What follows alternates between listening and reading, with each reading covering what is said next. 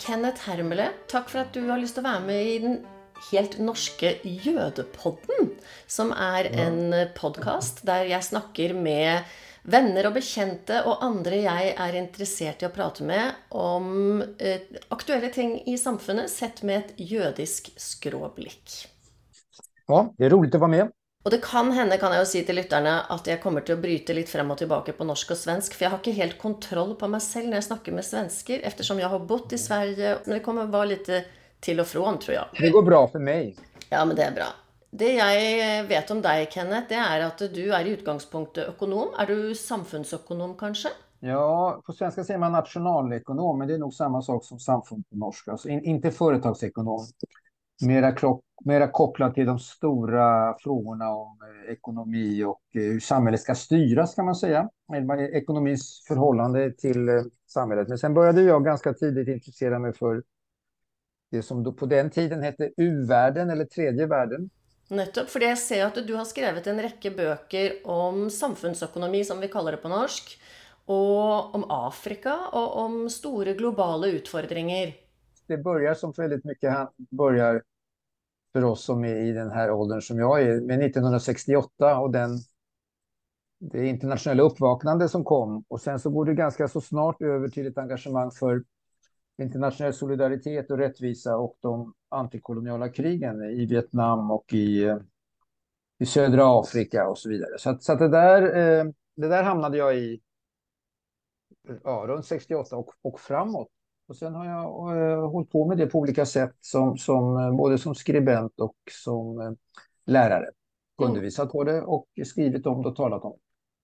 Men så i 2018 så virker det som du gjorde et uh, taktskifte, for da skrev du en bok som ikke handler om økonomi, men som heter En stettel i Stockholm, som faktisk til og med ble nominert til Augustprisen, som er den store svenske litteraturprisen.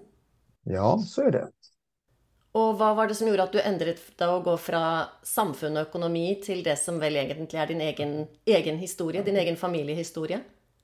å ena sidan kan man ju säga att det var, att det var en stor ändring, men kan man säga, sidan säga att, att det var en, på sätt och vis en fortsättning av det, för att jag, jag förstår min eget internationella engagemang eller intresse för internationella frågor som sprunget ur min judiska uppväxt och min judiska bakgrund. Och, och att eh, Eh, som det var i väldigt många judiska familjer, särskilt eh, den typen som jag växte upp i där, där eh, eh, bägge föräldrarna var invandrare och flyktingar, eh, hade kommit till Sverige före kriget.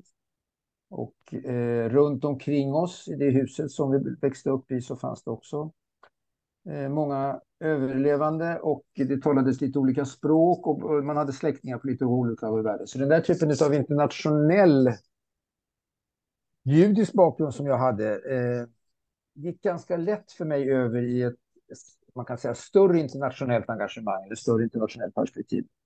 Så på det sättet är det en fortsättning eller en annan sorts av judisk engagemang när jag, när jag sen börjar ägna mig åt judiska frågor och judiska skriverier. Men eh, sen har du ju rätt i att det är en stor skillnad ändå. Den skillnaden har att göra med att jag kom upp i en, inte, inte vid mitten av min levnadsbana som Dante säger, utan vid slutet, mot slutet av min levnadsbana. Och så tänkte jag, vad ska jag göra nu? Om jag nu ska göra någonting. Och då ville jag göra någonting som ingen annan kunde göra. Alltså skriva en ny bok om global ekonomi eller solidaritet eller rättvisa. Eh, det kunde jag nog göra. Eh, men det, och det kunde många andra göra också. Kan många andra göra. Eh, och dessutom hade jag gjort det tyckte jag. Men eh, att skriva en bok där jag själv och min egen historia är huvudfigur i en sorts eh, berättelse som jag hoppades då skulle vara lite större än bara min historia utan också handla om hur det var att växa upp i en ganska så tätt sammanhållen judisk miljö i Stockholm på 1950-talet. Ja, nettopp. Altså rett etter krigen. Og din familie, eller dine foreldre, forstår jeg, de kom jo da til Sverige som jødiske flyktninger pga. nazismen.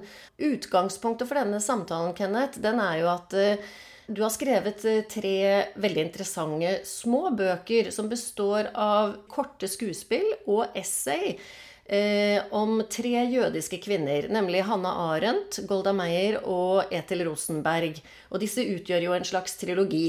Og så var det, etter at jeg hadde lest disse tre bøkene, Och, och också din sista bok som heter Inte som lamm till slakt, som jag tror vi ska komma lite in på mot slutet av denna samtal, så tänkte jag det kunde faktiskt vara väldigt intressant att snacka med dig Kenneth om filmen Oppenheimer av Christopher Nolan, sett i förhållande till din bok om Ethel Rosenberg. Följer du min tanke om att det är intressant att snacka om din bok i förhållande till Oppenheimer-filmen? Ja, men det, det tycker jag också. Därför att eh, Oppenheimer finns ju med i, i essädelen av eh, boken om Ethel Rosenberg.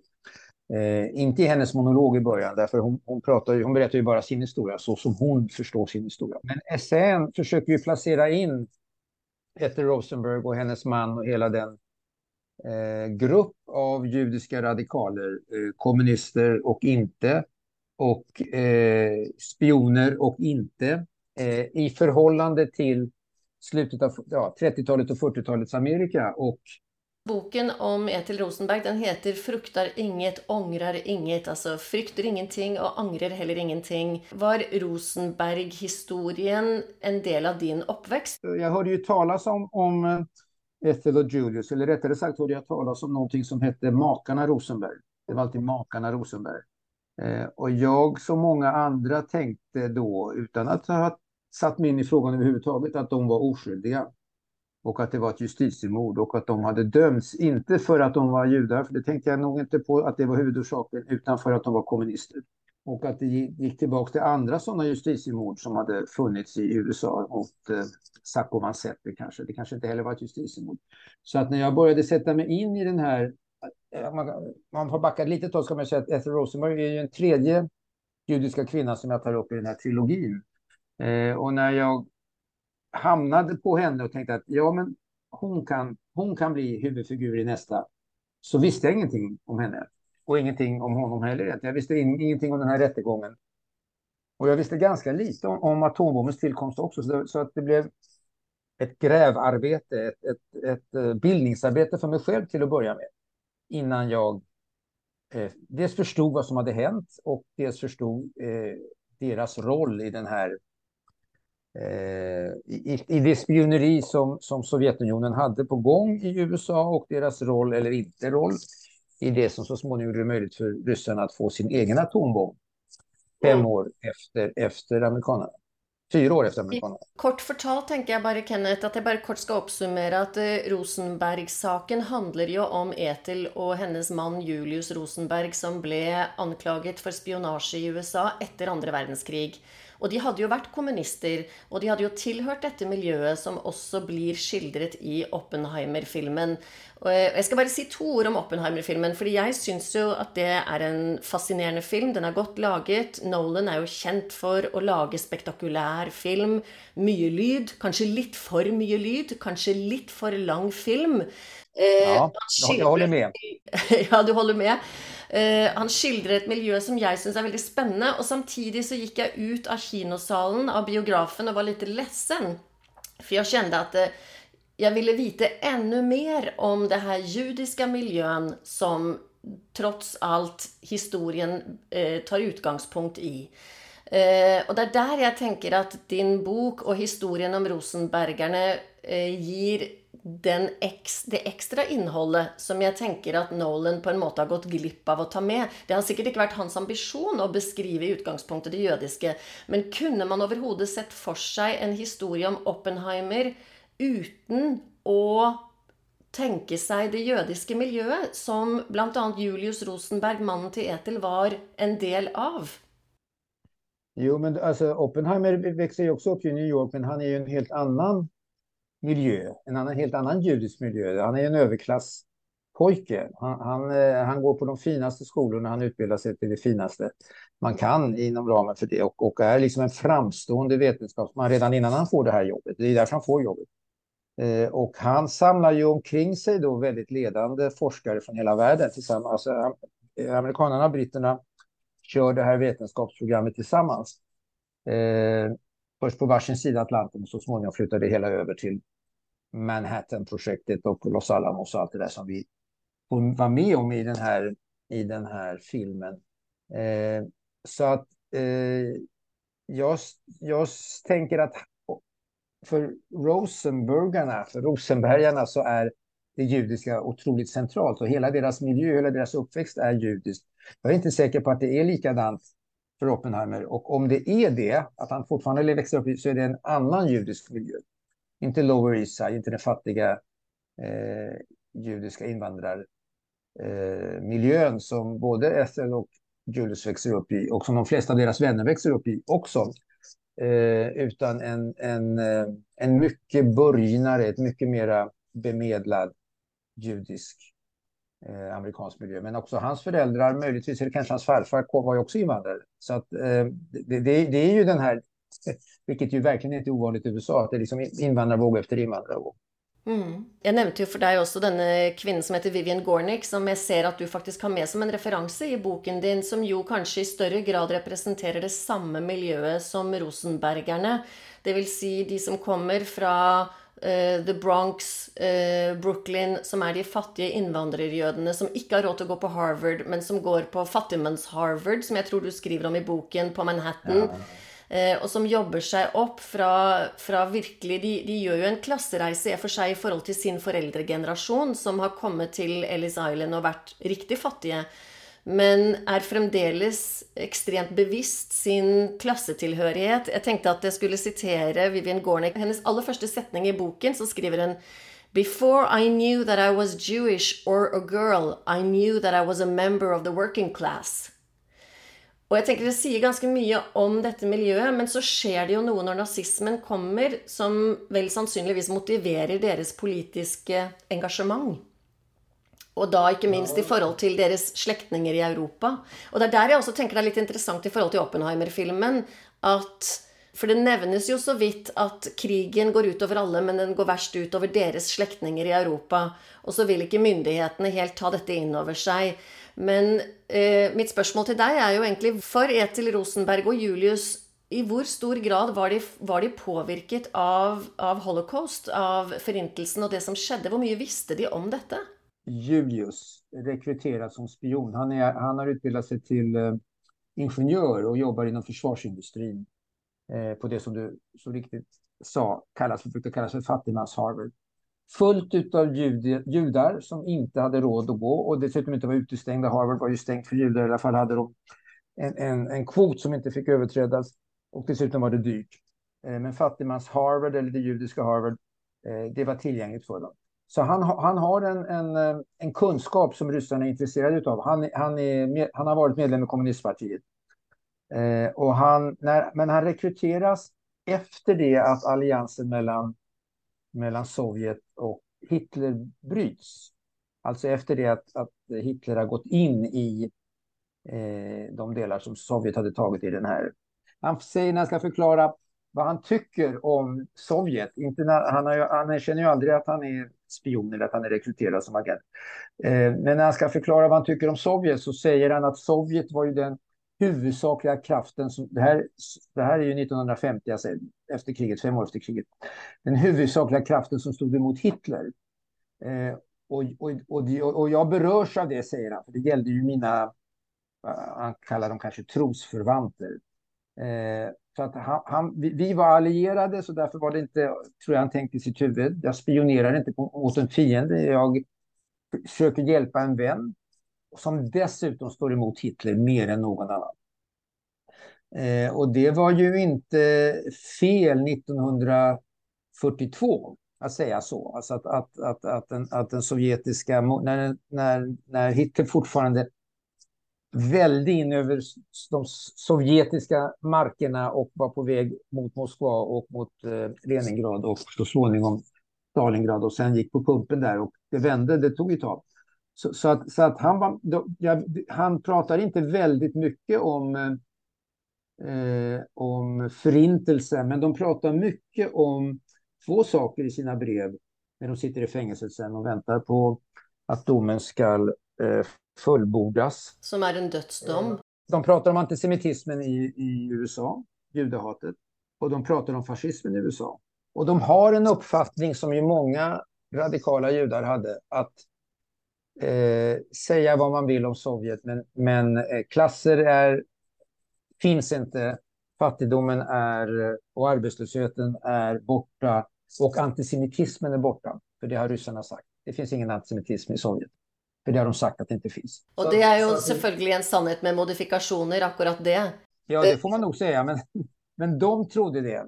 Och det var ju också så att, att Stalin tonar under kriget när Stalin behöver stöd av eh, judiska kommunister runt omkring i världen så tonar han ju ner antisemitismen och judehatet. Det exploderar sen så fort han inte behöver judar längre. Men, men just under en kort period så, så, så kunde man tro det. Men där fanns ju någonting. Eh, och det är ju det som eh, Gornick berättar om. Hon, hon är ju nästan en generation yngre än Ethel och Julius Rosenberg. Jag tror hon är född 35 och, och Ethel var född 1915. Eh, och hon bor på, hon växer upp på The Bronx och de, de är på Lower East Side. Eh, och hennes föräldrar är ju som hon, ja, som du citerade där, de är kommunister, alla omkring henne är kommunister. Eh, och militanta. Eh, och det, det, är inte den miljön som Ethel och Julius växer upp i. Eh, det, det, bägge, bägge är judiska och bägge, bägge fattiga. Men den här militanta och medvetna klasstillhörigheten, den har inte Ethels föräldrar och inte Julius föräldrar. Eh, men de själva, alltså, både Ethel och Julius, de blir ju kommunister. De, bägge två är med i det kommunistiska ungdomsförbundet när de är unga. Och sen blir Ethel framförallt eh, engagerad i fackföreningsrörelsen medan Julius löper linan ut och blir medlem i kommunistpartiet. Vilket så småningom gör att han kommer att förlora jobbet i försvarsindustrin. Men, men, men eh, så att de är ju, och det är ju många i den här miljön där, där Julius är på eh, City College i New York då, fattigmans-Harvard, eller det judiska Harvard. Där är det många radikala unga män framförallt som eh, deltar i olika politiska manifestationer och eh, diskuterar framtiden. Det här, det här är ju då 30-tal, så att det, det, de, det och, och, antisemitismen är stark i USA Eh, arbetslösheten och fattigdomen är enorm och det finns inga sociala säkerhetsnät. Jag bara blev nyfiken på när det gäller denna fattigmans-Harvard, blev ingenjörer rekryterat därifrån också in i Oppenheimer-projektet? Eller hämtade han... Alltså, Oppenheimer-projektet var ju ett jätteprojekt. Eh, Essels bror som inte var utbildad ingenjör, som var en, eh, en doktormekaniker, han, han var ju en del av, av, av eh, The Manhattan Project. Men han var, han var inte, alltså, Oppenheimer rörde ju sig framför allt med, med de här, eh, de, i mina ögon, sofistikerade forskarna och, och praktikerna som, som, som såg till att det skulle göras. En sån person som, som eh, Julius, om han hade varit han, han, var i, han, var i, eh, han var i försvarsindustrin. Han, han tillverkade Eh, han, jobb, han jobbade i alla fall på ett företag där man tillverkade en, en detonationsmekanism som gjorde det möjligt för amerikanska eh, missiler att explodera utan att eh, behöva träffa sitt mål. Alltså på en, en, en, eh, en, avståndsdetonator kan man säga. Så att när den närmade sig flygplanet och det här berömda U-2-spionplanet som sköts ner, eh, det amerikanska spionplanet som sköts ner eh, på 60-talet, det sköts ner med en, med en missil som hade den här eh, detonationsmekanismen. Och den detonationsmekanismen lämnade Julius över till sin ryske eh, kontrollman eller hanterare. Och den var viktig, det, det, var, det var en viktig grej, men det hade ju ingenting med atombomben att göra. Nej. Jag ska bara gå ett skritt tillbaka, Kenneth, för jag tänker det är intressant det du säger med att det var en numerus clausus, alltså det var en begränsning hur många judar som fick komma in på Harvard. Och det tänker jag att det är ganska många i vår tid idag som inte är klar över att den typen lover och regler som fanns i många europeiska länder fanns också i, i USA faktiskt. Eh, att, så det var ju definitivt en, en strukturell antisemitism på den nivån, även på Harvard. Och så tänker jag att det, mycket av det här som, som jag tycker alltså som, som är det intressanta i de här frågorna, det är ju kontextualiseringen. Vad är det man hur betedde människor sig med olika åsikter till vilken tid och vad skulle man kunna ha vetat eller inte vetat som man sen blev åklagad för, vilket ju händer med Rosenbergarna som sen faktiskt dödas i, i den elektriska stolen va? i förhållande till din historia om Rosenbergene och det som skedde på den tiden, vad förstår vi idag av, den, alltså av kontextualiseringen? För exempel eh, när USA väljer att bryta alliansen med Sovjet. Amerikanerna och britterna spelar ju dubbelt när det gäller atombomben. Redan, alltså de bryter ju inte med, med Sovjet förrän Eh, det, kalla, det kalla kriget börjar, något år, men det bryter kanske något år efter, efter, freds, efter freden kommer, då, alltså 46 eller 47, vilket man, man kan datera det på lite olika sätt. Men redan 1944 så diskuterar Churchill och Roosevelt om Stalin ska få reda på och vara med om det samarbete som de två har börjat med för att ta fram en atombomb. Och då bestämmer de i ett hemligt avtal som de tar, och de skriver till och med ner, ner detta på papper och det finns dokument där man ser hur Churchill med sin blyertspenna har rättat engelskan som man tycker är lite för kantig i det här Edmund Moir, alltså någon sorts en överenskommelse som de har fäst på papper. Där står det att eh, ryssarna ska inte få vara med eh, om den här eh, ut, framtagandet utav, eller förverkligandet av atombomben. Och de forskare som inte förstår det, att man inte ska dela den här informationen med, med eh, med Sovjet, de ska sägas till, de ska, de ska åthutas så att de inte pratar med ryssarna. Till exempel Niels Bohr, den danske eh, framstående fysikern, han speciellt ska, ska få höra att han ska inte snacka så mycket med ryssar. Och det här, att man behöver säga till Niels Bohr, man, man hade kunnat säga till det till nästan vilken som helst av de vetenskapsmän som tog fram atombomben, inklusive Oppenheimer, därför de var övertygade om att atombomben eh, måste, där, eh, atombomben och atomkraften var två saker de var övertygade om. Dels att atombomben var ett fruktansvärt vapen och dels att man måste se till att den inte kunde, att den försökte ha en fredlig tillämpning, alltså atomkraft och inte atomvapen. Och dels att ju flera som hade tillgång till det fredliga användningen av atom, atomkraft, desto bättre. Det som sen kommer att kallas terrorbalans, men de, de tänkte en sorts fred. Nettopp. Eh, och det, jeg tenker at det kommer jo faktisk også litt fram i, i Oppenheimer-filmen. Nettopp betydningen av at man må dele den kunnskapen for å ivareta fred.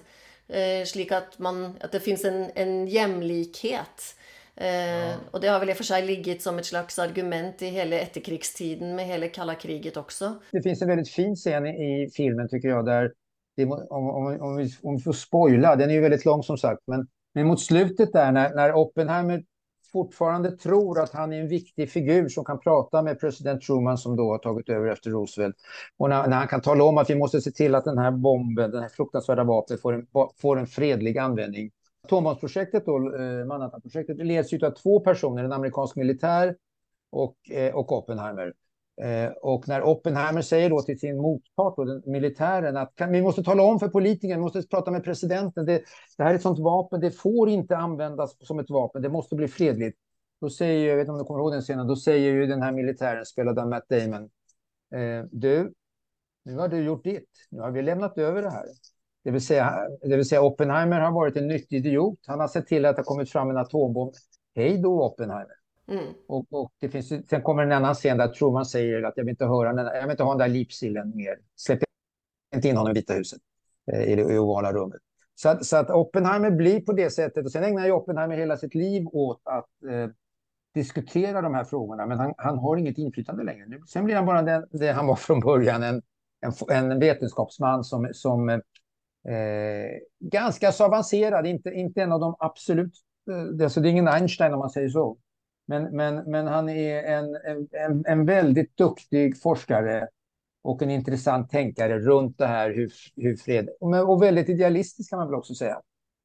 Ja, och det är väl nettopp detta etiska dilemma som gör att eh, man fremdeles är upptatt av Oppenheimer och lager filmer om han, för han ju i eftertiden måtte leva med det samvetet. Över till eh, Etil och Julius då. De kunde ju har räddat sig själv, får jag intryck av när jag läser din bok, Kenneth. Men de valde att inte göra det. Varför gick det så galt med Ethel och Julius? Det, det fanns många spioner. Ryssarna hade ju ett otroligt avancerat ett spionnätverk i USA, möjligtvis bestående av 350 olika agenter. Eh, där var Julius och Eh, framförallt Ester. Ester var verkligen en perifer person i detta och Julius var inte så viktig heller. Och de hade ingenting med atombombens eh, fram, eh, eh överförandet av information om atombomben till Ryssland. Det fanns det andra som hade. Eh, som inte avrättades. Så några av dem ställde sig inte ens eh, inför rätta. Några av dem var judar, amerikanska judar som hade invandrat, eller barn till jud, judiska invandrare. Och några av dem, en av de allra viktigaste, hette Klaus Fuchs. Han var en, en tysk kommunist, icke-jude, som var med i det här Los Alamos-projektet, Manhattan-projektet. Och så småningom eh, hamnade i DDR i Östtyskland. Jag tror att han finns på DDR-frimärken och hyllas som en stor hjälte. För att se till att ryssarna kunde få fram sina tåg. Nej, varför de inte räddar sig själva, det, det, är, ju, det är ju en, eh, en gåta Eh, kan man säga. De förstår inte att de...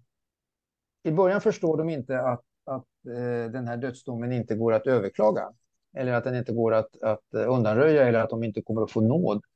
Eh, och sen är det ett förhållande mellan två personer som är otroligt kärleksfullt och otroligt ja, vad ska man säga, de, de, de leder en sorts med, de är medbero, medberoende till varandra. Och den frågan som alltid ställs och, och, och, och vad, vad, vad, de vill ha, vad FBI vill ha dem till är ju att de ska, eftersom de har det här, eh, FBI vet att det finns så här många spioner, men de vet inte vilka det är. De har knäckt de ryska koderna, eh, de vet vilka, vilka kodnamn som olika spioner har, men de vet inte vem som döljer sig bakom det. Och då vill de att, att eh, det handlar om att peka ut, att nämna namn. Och det är så Julius och Ethel blir. Är det Ethels bror som pekar ut dem? Ethels bror, ja. ja. Som, som jobbar på Los Alamos-projektet och som rekryteras av Julius och Ethel via eh, svägerskan då, via, det blir komplicerat där, men via brorsans fru, Rut. Alla judar är detta, så det är verkligen en judisk historia. Men, men eh, han blir, han blir utpekad, eh, brorsan då, David blir utpekad. Och då försöker han hålla sin, sin syster utanför, men säger att det såg hon då, Julius, det är han som, hade, det är, han som är boven i dramat. Eh, och Julius förnekar allting och säger ingenting. Och, och hon, eh, Ethel förnekar allting och säger ingenting heller. Och det är därför, det är därför eh, jag, satte den, jag valde den här rubriken, den kom ju från hennes brev. Ja. Hon, hon ångrar ingenting. Hon fruktar inget. Hon, hon, är beredd att dö, det är det vad hon säger. Eh, på slutet, där, även om hon... Så att hon, hon överger sina barn kan man säga. Men det som, det som jag tycker, och det är den frågan som nästan alltid ställs. Hur kunde Esther Rosenberg, en, en ganska så ung kvinna med två små barn, eh, välja döden när hon hade kunnat börja nämna namn, eller kunnat ange sin man i alla fall, och därmed räddat sig själv och fått vara med sina barn. Men det, det kunde inte hon. Hon fick den frågan hela tiden. Hennes mamma sa åt henne, henne inte hennes advokat, men, men eh, fängelsechefen sa åt henne, jag tror att justitieministern var där också, sa om du, om du bara börjar tala, så kan vi rädda dig. Eh, annars måste du dö. Eh, och, men den fråga man nästan aldrig ställer, eh, och som jag inte tror jag ställt, ja, nästan ingenstans i litteraturen, ja kanske lite grann i den feministiska litteraturen om, om eh, Ethel Rosenberg, det är varför han, Julius, inte säger till henne offra mig. Jag, jag tänker inte börja tala, för att jag, jag vill inte tala. Jag, jag vill inte bli en sån som anger någon annan. Eh, och, och, jag tror på det jag har gjort. Har du någon psykologisk förklaring på varför han inte uppfordrar henne? Jag husker, vet du vad Kenneth, jag husker jag såg en spillefilm, det må ha varit kanske för 30 år sedan, en amerikansk spillefilm. Och jag, jag vill anta att den var laget i en lite sån romantisk kontext.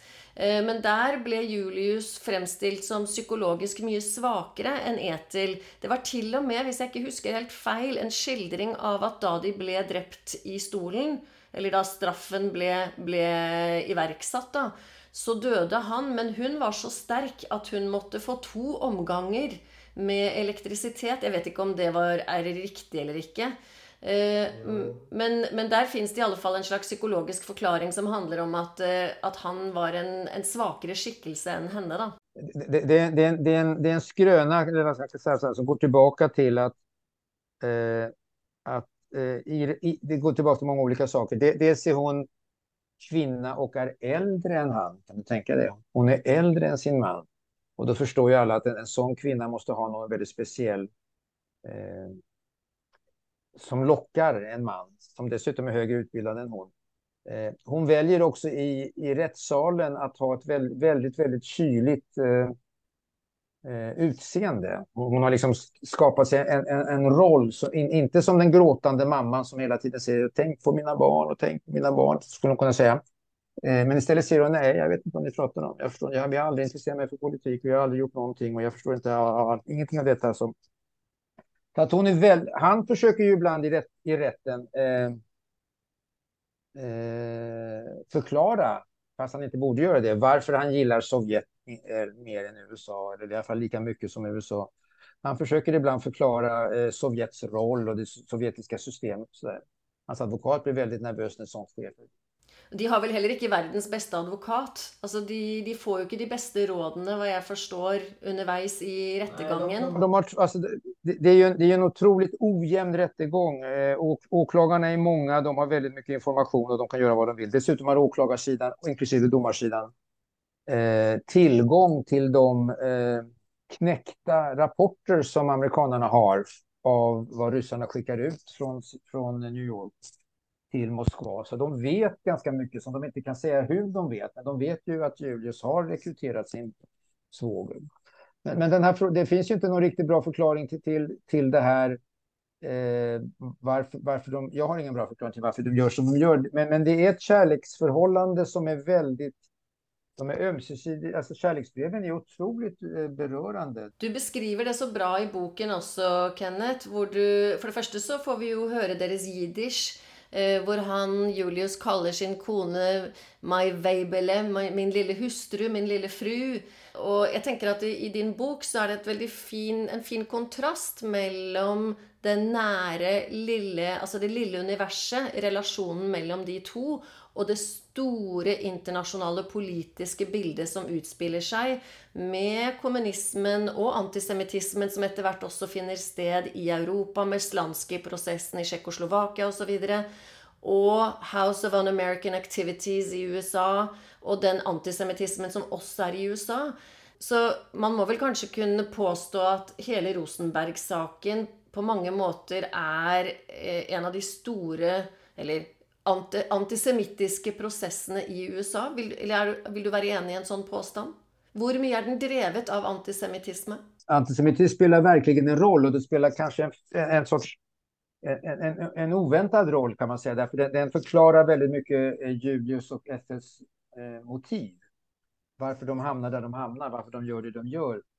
Rättegången har ju en, har en aspekt utav denna delar ut, utav att de avspelar den här ganska så starka eh, antisemitiska stämningen som fanns i USA från 30-talet och framåt. Trots förintelsen, alltså trots, där är fem år efter förintelsen, trots det så fanns det väldigt mycket opinionsmätningar som visade på att amerikaner i genomsnitt eh, misstrodde judar, att judar var, inte var riktiga amerikaner, att judar var någonting främmande, att judiska affärsmän var mindre hederliga än andra affärsmän och så vidare. Och så vidare.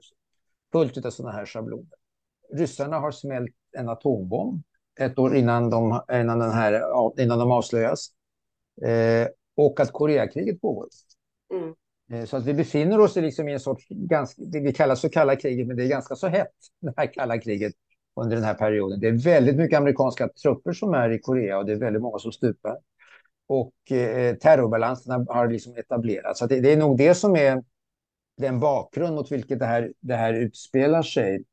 Eh, men, men det finns en annan aspekt som har med antisemitism att göra. Det är ju att judiska organisationer i USA ville inte ta ställning för Rosenbergarna. De ville inte ens kräva nåd eller, eller, eller, eller barmhärtighet eller någonting sådant. För, för att varje gång man försökte försvara eh, någon som anklagades för att vara judisk kommunist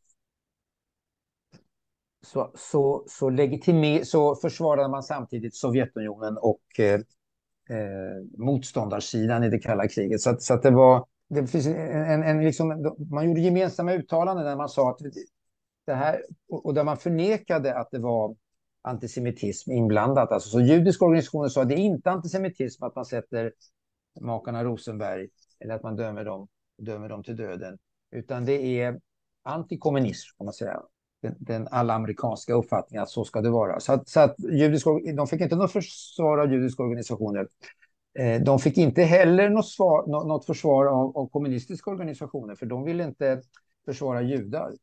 Eh, så att det är först, och du nämnde Slansky-processen i Tjeckoslovakien, det är först när, när Stalin förstår att han kan använda någon sorts försvar för makarna Rosenberg, som ju är judar, för att legitimera sin, sina egna eh, förföljelser av, av det han tyckte var, var, var alltför självständiga kommunister i Östeuropa. Alltså Slansky och det gänget. Eh, varav många av dem också var judar. Så att Stalin kunde säga, ja, alltså Slansky avrättas eh, och han är visserligen jude, men vi försvarar ju andra judar, nämligen Rosenberg. Och det gjorde de, det tog lång tid innan de började med detta. Och det är därför den här försvars... Alltså, de amerikanska kommunisterna hade så svårt att, att, att ta ställning för Rosenbergarna innan moderpartiet, får man väl kalla det då, alltså Sovjetunionen, moderlandet, tillåter det. Ja, och det är ju, alltså, du får ju efterhand den här processen i Moskva också med, med Jak, alltså det, det som blir kallat för de mördade poeternas natt. Så Stalin han setter jo i gang etter andre verdenskrig og forfølger jøder også i sitt hjemland. Og jeg tenker nettopp, jeg skulle faktisk komme nettopp til det du peker på, som jeg syns er utrolig interessant. denne doble, altså catch 22-rollen som Rosenbergarna rosenbergerne befinner seg i. At det er ingen steder å vende seg for å få støtte. Og sett fra et jødisk perspektiv så er det også dette ubehaget med at du har denne Roy Coon, som jo en, var en veldig sentral skikkelse i mange sammenhenger i USA, som er del av av aktoratet, åklagarna i, i, saken, och som ju var en stark jødisk profil, selv om han kanskje ikke nødvendigvis valgte å, å, profilere det i så stor grad selv. Men det du jo også skriver i boken, er jo at det, det var jo store demonstrasjoner i Europa til fordel for rosenbergerne. Sånn at saken fikk jo en enorm oppmerksomhet i hele vestverden. Eh, och likevel så gick det som det gick. Jag har tänkt till, jag ska bringe oss lite vidare Kenneth, fordi at eh, du skriver också något väldigt intressant, nettopp om loven som aktoratet, alltså åklagarna, tar i bruk för eh, att anklaga rosenbergarna.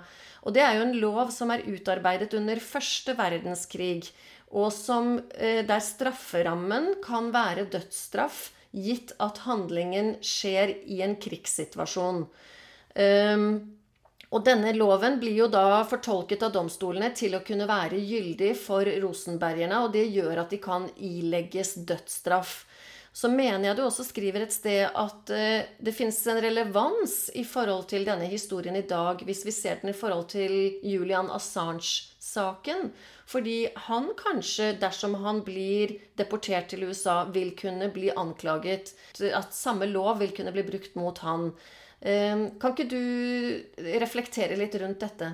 Alltså, det, är, det är ju en väldigt speciell lag. Den, den, den kommer som du säger eh, under första världskriget, 1917 kommer den. Det är en, en spion och konspirationslag. Eh, och den säger två saker som är, som är eh, viktiga att lägga till till det som du sa. Dödsstraff är en sak som kan utgå eh, under förutsättning att man hjälper främmande makt överlämnar känslig information till främmande makt under krig. Okej, okay, nu befinner vi oss här under krig när, när eh, spionerierna pågår och när, när, eh, när eh, Julius och Ethel rekryterar David Greenglass, som han hette, eh, brorsan alltså, till, till Ethel.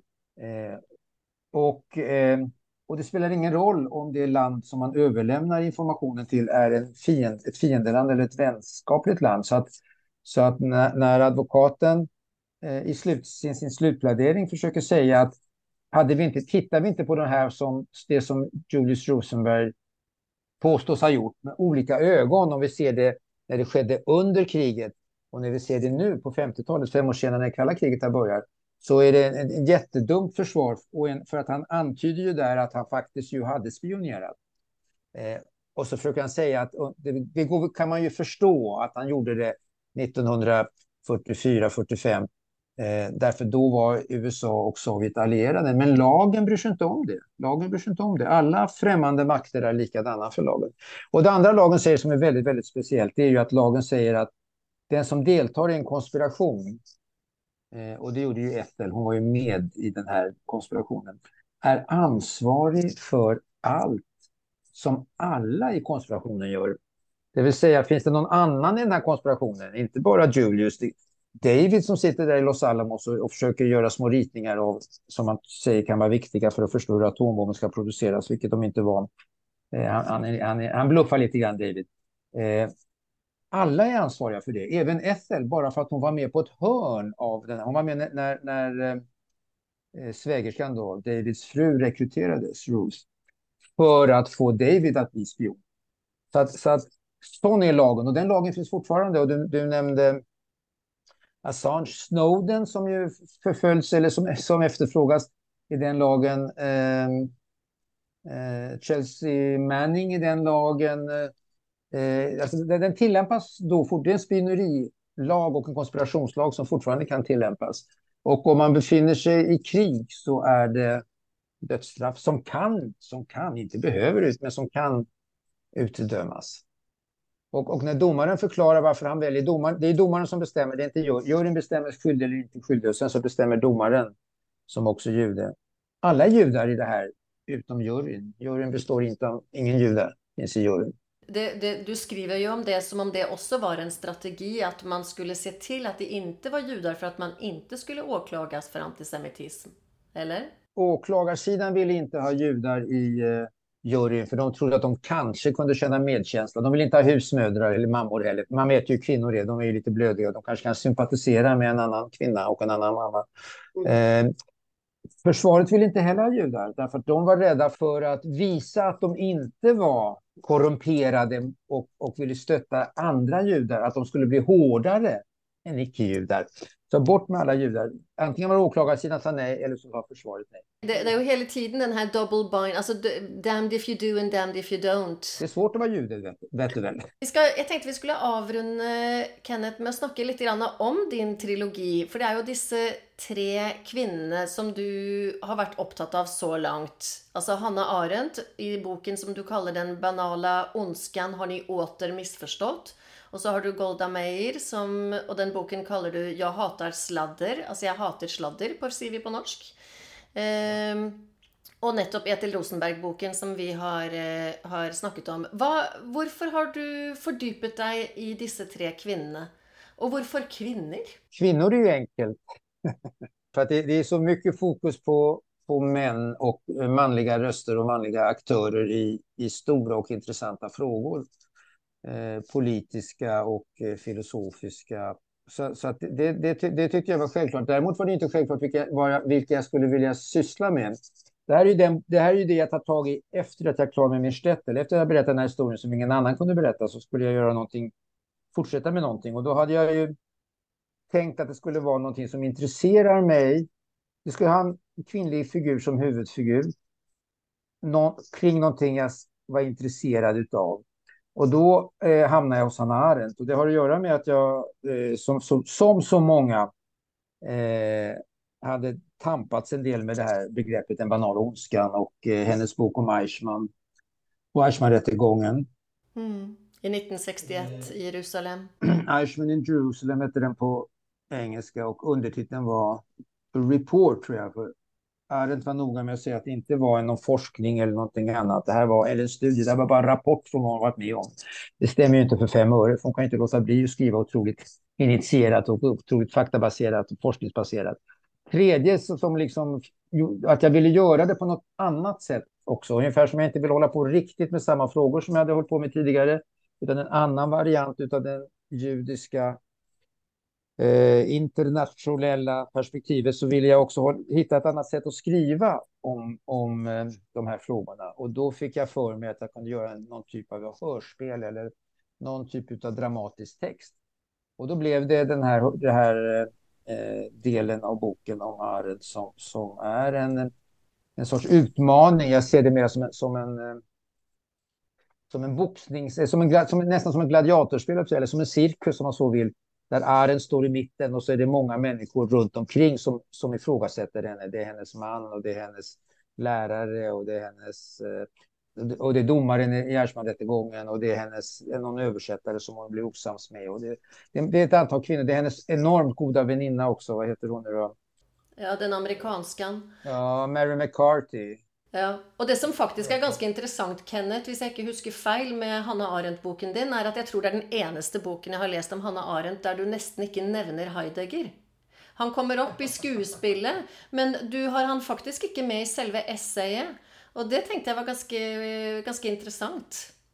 Jag tänkte att jag skulle göra hörspelet också, eller, eller den dramatiska texten utan Heidegger. För att varje gång man säger eh, Arendt, eller säger hennes, om man säger hennes man så säger folk Heidegger. Nej, inte hennes man, han, han heter ju Blücher. Nej, jag, jag tänker på hennes lärare, säger jag då. Jaha, du menar Heidegger? Nej, jag menar Karl Jaspers, det var den stora läraren för han här. Så att man hela tiden tänker, om man tar bort Heidegger Och grunden till att man alltid bringer in Heidegger, er jo fordi Heidegger var också hennes lærer och blev nazist. Og de sto i en ganske komplisert relasjon til hverandre etter krigen, i den grad de overhodet hadde noe med hverandre å gjøre. Men det er jo på en måte det som, utover Eichmann-saken og hennes andre selvfølgelig berømte verk, så blir jo Hanne Arendt veldig ofte omtalt også i forhold til sin relasjon til Heidegger. Og derfor så var det ganske befriende å lese din bok, og ikke måtte forholde seg til Heidegger. Hon, hon träffar ju Heidegger efter kriget. Ja. Hon har inte förlåtit honom, det kan man inte säga. Eh, men hon är eh, lojal med de känslor hon hade när hon var 19-20 år och hade ett förhållande med Heidegger under kort tid. Men hon inser ju också väldigt tydligt efter kriget och kanske under kriget också Eh, att, att, han är, att han är fåfäng, att han är självupptagen, att han inte kan prata om någonting annat än sig själv. Stackars man, säger hon. Alltså det, han, är rädd för, han är rädd för alla kvinnor. Vi ska, eh, vi ska bevege oss videre fra Hanna Arendt, men før vi gjør det, så må jeg stille et siste spørsmål om Hanna Arendt. Og kanskje snakker vi om henne siden en gang også. Eh, men nå er det jo kommet, i hvert fall på norsk TV, en ganske interessant dokumentarfilmserie om eh, Eichmann-saken basert på disse lydopptakene til Sassen. Og der er det jo en av historikerne som interessant påpeker at där dersom Hanna Arendt hadde hørt lydopptakene, da ville hun da hatt en annen fortolkning av Eichmann og hans skyldspørsmål. Fordi Hanne Arendt er jo opp gjennom årene blitt kritisert fordi hun jo påstår at eh, den banale ondskan kan ramme oss alle. At vi alle på sett og vis kan bli en Eichmann. Men hva tenker du, dersom, når du har skrevet en bok om henne, dersom hun hadde hørt Sassen-lydopptakene der han intervjuer Eichmann, hvor han innrømmer alt, ville Hanna Arendt tänkt annorledes? Det finns ju en gåta här tycker jag när det gäller Arendt och Eichmann och hennes syn på honom som person. Inte så mycket på den banala ondskan, för att eh, begreppet den banala ondskan för för Arendt är ofta beskrivet på det sättet som du säger, att det, att det, det bor en Eichmann inne i oss alla och om omständigheterna är fel så kan vem som helst bli en Eichmann och sådär. Eh, eller man följer bara, lyder bara order och därför gör man fruktansvärda saker. Det är inte det som Arendt menar med, med den här ondskans banalitet, utan hon menar eh, att en människa som inte förmår sätta sig in i konsekvenserna av sina handlingar, som inte förmår tänka på djupet är banal. Och det är, eh, sådan är Eichmann. Eh, och eh, det visar sig ju bland annat, tycker, tycker Arendt, i hans sätt att prata, hans tyska. Hon tycker det är liksom stel och eh, formalistisk och byråkratiserad och som inte har någon relation till det han pratar om egentligen. Utan eh, är en sån riktigt, riktigt eh, byråkrat tyska. Gåtan är denna. Eh, An, eh, det är ju riktigt att, att den, här, den här eh, holländska nazisten som intervjuade eh, och som är grunden för den här dramatiseringen, den här filmen vi pratar om, eh, alltså i, i TV, dokumentären, halvdokumentären, den, eh, den, den känner inte hon till. Men det, det gjorde eh, åklagarna och domarna i, eh, i Gärsman-rättegången kände till det, men hon gjorde inte det. Men det kommer ju fram i rättegången. Alltså åklagarna de, de hänvisar ju till lydopptakene, men de har inte lydbåndene. Så de har bara en transkribering av det Eichmann har sagt. Eh, och då blir inte det ansett för att vara ett värdigt bevis, slik jag förstår det. Men, men gåtan är denna, hur kan det komma sig att Arendt som har koll på nästan allting eh, inte förstår vem Eichmann var. Medan Golda Meir, när hon åker till FN för att försvara, eller först förneka och sen försvara varför Israel har kidnappat eh, Eichmann från Argentina, har total koll på vem han är. Eh, hur, hur, kan israeliska UD, som väl har skrivit talet till Golda, som hon framför i FN, veta vem Eichmann är och Arendt inte veta det? Och det är många andra också som vi pratar om Eichmann. Alltså det, hela, hela de här, många av de eh, som brukar kallas för eh, nazijägare, Simon Wiesenthal och andra. Hur kan de veta vem Eichmann var? Att han var liksom arkitekten bakom, bakom eh, eh massmördandet. Eh, alla som träffade Eichmann i, i Budapest 1944 visste att hur viktig han var. Och Arendt har missat det. Det, det, det, förstår inte jag. Jag vet inte vad svaret är på det. Jag har inget svar på det. Men i alla fall, tillbaka till din trilogi, som ju är, syns jag, fascinerande små verk. De är eh, korta, koncisa, består av ett litet dramatiskt verk och en liten essay. Så det, de har en lite sån hybrid eh, utformning i sig. Har du, vad sker med skådespelarna? Har de blivit uppfört i någon sammanhang? Eh, vi har gjort läsningar av alltihop, eh, både i Stockholm och i Göteborg. Eh, jag är på två ställen, så att jag är på vi har i Göteborg något som heter den judiska salongen i Göteborg och i Stockholm finns det Bayit som är en del av judiska församlingen i Stockholm. Eh, och eh, vi har varit på Teatertribunalen i Stockholm, men, men, inte som fullvärdiga uppsättningar utan som läsningar just. I ena fallet hade det varit två skådespelare, det har varit Hanna Arendt och de här olika figurerna som är runt Arendt och ifrågasätter henne eller retas med henne har läst av en röst och eh, Arendt har läst av en. Eh, Golda Meir hade varit eh, en lite mer dramatiserad, det har varit en musiker och eh, som har spelat några, no, några av rollerna och som har eh, ibland talat på hebreiska och ibland, ibland bara med en klarinett eller med en saxofon. Och så en röst som har varit Golda Meir. Och när det gäller när det gäller Ethel Rosenberg så är det en monolog, en tonsatt monolog, därför att Rosenberg var ju musikalisk och kunde spela och framförallt kunde hon sjunga. Hon sjöng jättebra och sjöng i fängelset till sina medsystrars tröst och kanske till sin egen tröst också. Ethel hade väl också en dröm om att bli sångerska? Medan Julius redan från början är ganska så politisk och, och eh, går sin utbildning där på, på på college för att bli ingenjör så vill Ethel eh, som student redan så eh, del, deltar hon i hon sjunger i kör, hon uppträder, hon uppträder i eh, teaterpjäser. Och, eh, det, och det är väldigt framgångsrikt kan man säga också. Dels där, i, i förhållande till den miljön de befinner sig i, i, eh, i student, eh, en studentbok som görs på amerikansk manér där man liksom gör en, där, där eh, Estelles vänner och klasskamrater spår hennes framtid. och säger hon att hon kommer att stå på Broadway. Hon kommer att vara den stora stjärnan. 1950, det år som hon kommer att arresteras, kommer hon att vara liksom det stora, lys, det lysande namnet på Broadway. Eh, och hon sjunger också i körer, de, de, de, är på Carnegie Hall, hon sjunger med symfoniorkester. Så, så det, det, sen, sen, hon får inget stöd för detta hemifrån. Hennes psyke är nog inte riktigt så robust som det skulle behövas för en karriär. Eller så är det bristen på pengar också som gör att hon inte går åt det hållet. Så att hon lämnar det ganska så snart, typ 16-17 år. Men hon har ju kvar sin, sin röst och sin, sin, eh, sin kärlek till musik. Men skjebnens ironi är ju att hon blir ju definitivt känd, men för någonting helt annat än för sitt sjungande. Eh, Kenneth, jag hoppas att du kommer skriva flera böcker eh, om kvinnor. Kanske det blir en Rosa Luxemburg, kanske det blir... Eh, ja, det, det är många att ta av vad, vad kommer härnäst? Ja, det vet man inte, men, men, men det som kom, det som, ja, jag vet förresten, det kan jag berätta också sen, men, men jag kan bara säga att den gemens, en gemensam tråd är ju mellan, mellan Ethel Rosenberg och eh, mellan alla de här tre kvinnorna kan man säga, och det är ju att det är människor som tar, en, som tar ett väldigt stort ansvar och som vi verkligen vill påverka skeenden som ligger långt, långt, långt utanför dem själva. Eh, och det känner jag igen mig i. Det är det som, eh, det, det, den gemensamma tråden här är ju att jag gillar eh, alla de här frågorna som jag liksom koncentrerade kring de här tre kvinnorna. Eh, resonerar som det heter.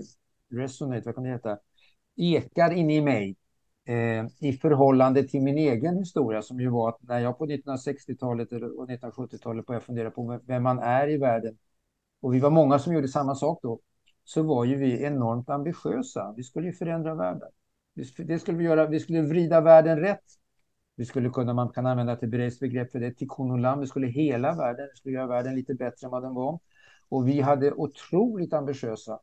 Eh, och det har, vi var otroligt ambitiösa. Och det var ju Hanna Arendt och Golda Meir och, eh, och Ethel Rosenberg var ju det också. I ena fallet med att försöka förstå världen om man tänker det. Det är väl ett bra, en bra eh, un, undertitel till, till Arendt. Sionismen och bygga ett, ett, ett land för judar, Golda Meir. Och kommunismen och rättvisan, det är efter Rosenberg. Eh, och eh, freden kanske, därför man var, man var övertygad om att om USA bara hade atombomben så skulle det skapa nya krig. Annars kan man göra det väldigt enkelt och säga det som, det som eh, förenar de tre, den röda tråden är att jag, att jag måste vara intresserad av samma saker som dem. Mm. Och i botten ligger i alla fall någonting judiskt? Det, det ligger någonting judiskt för mig, men eh, man kan ju komma till global solidaritet och internationella frågor och eh, att förstå världen eller, eller, eller eh, att skapa en bättre värld från många olika håll.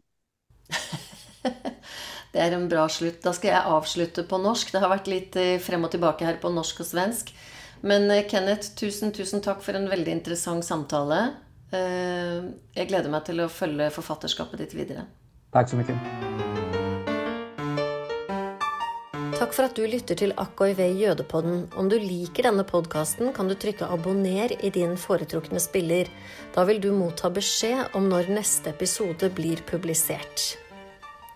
Dersom du har spørsmål til AKV Jødepodden eller vil bidra med innspill og ideer, send gjerne en mail til post at jodepodden.no. AKV Jødepodden er støttet av stiftelsen Fritt Ord. Musikken du hører, er komponert og arrangert av Jens Wendelboe.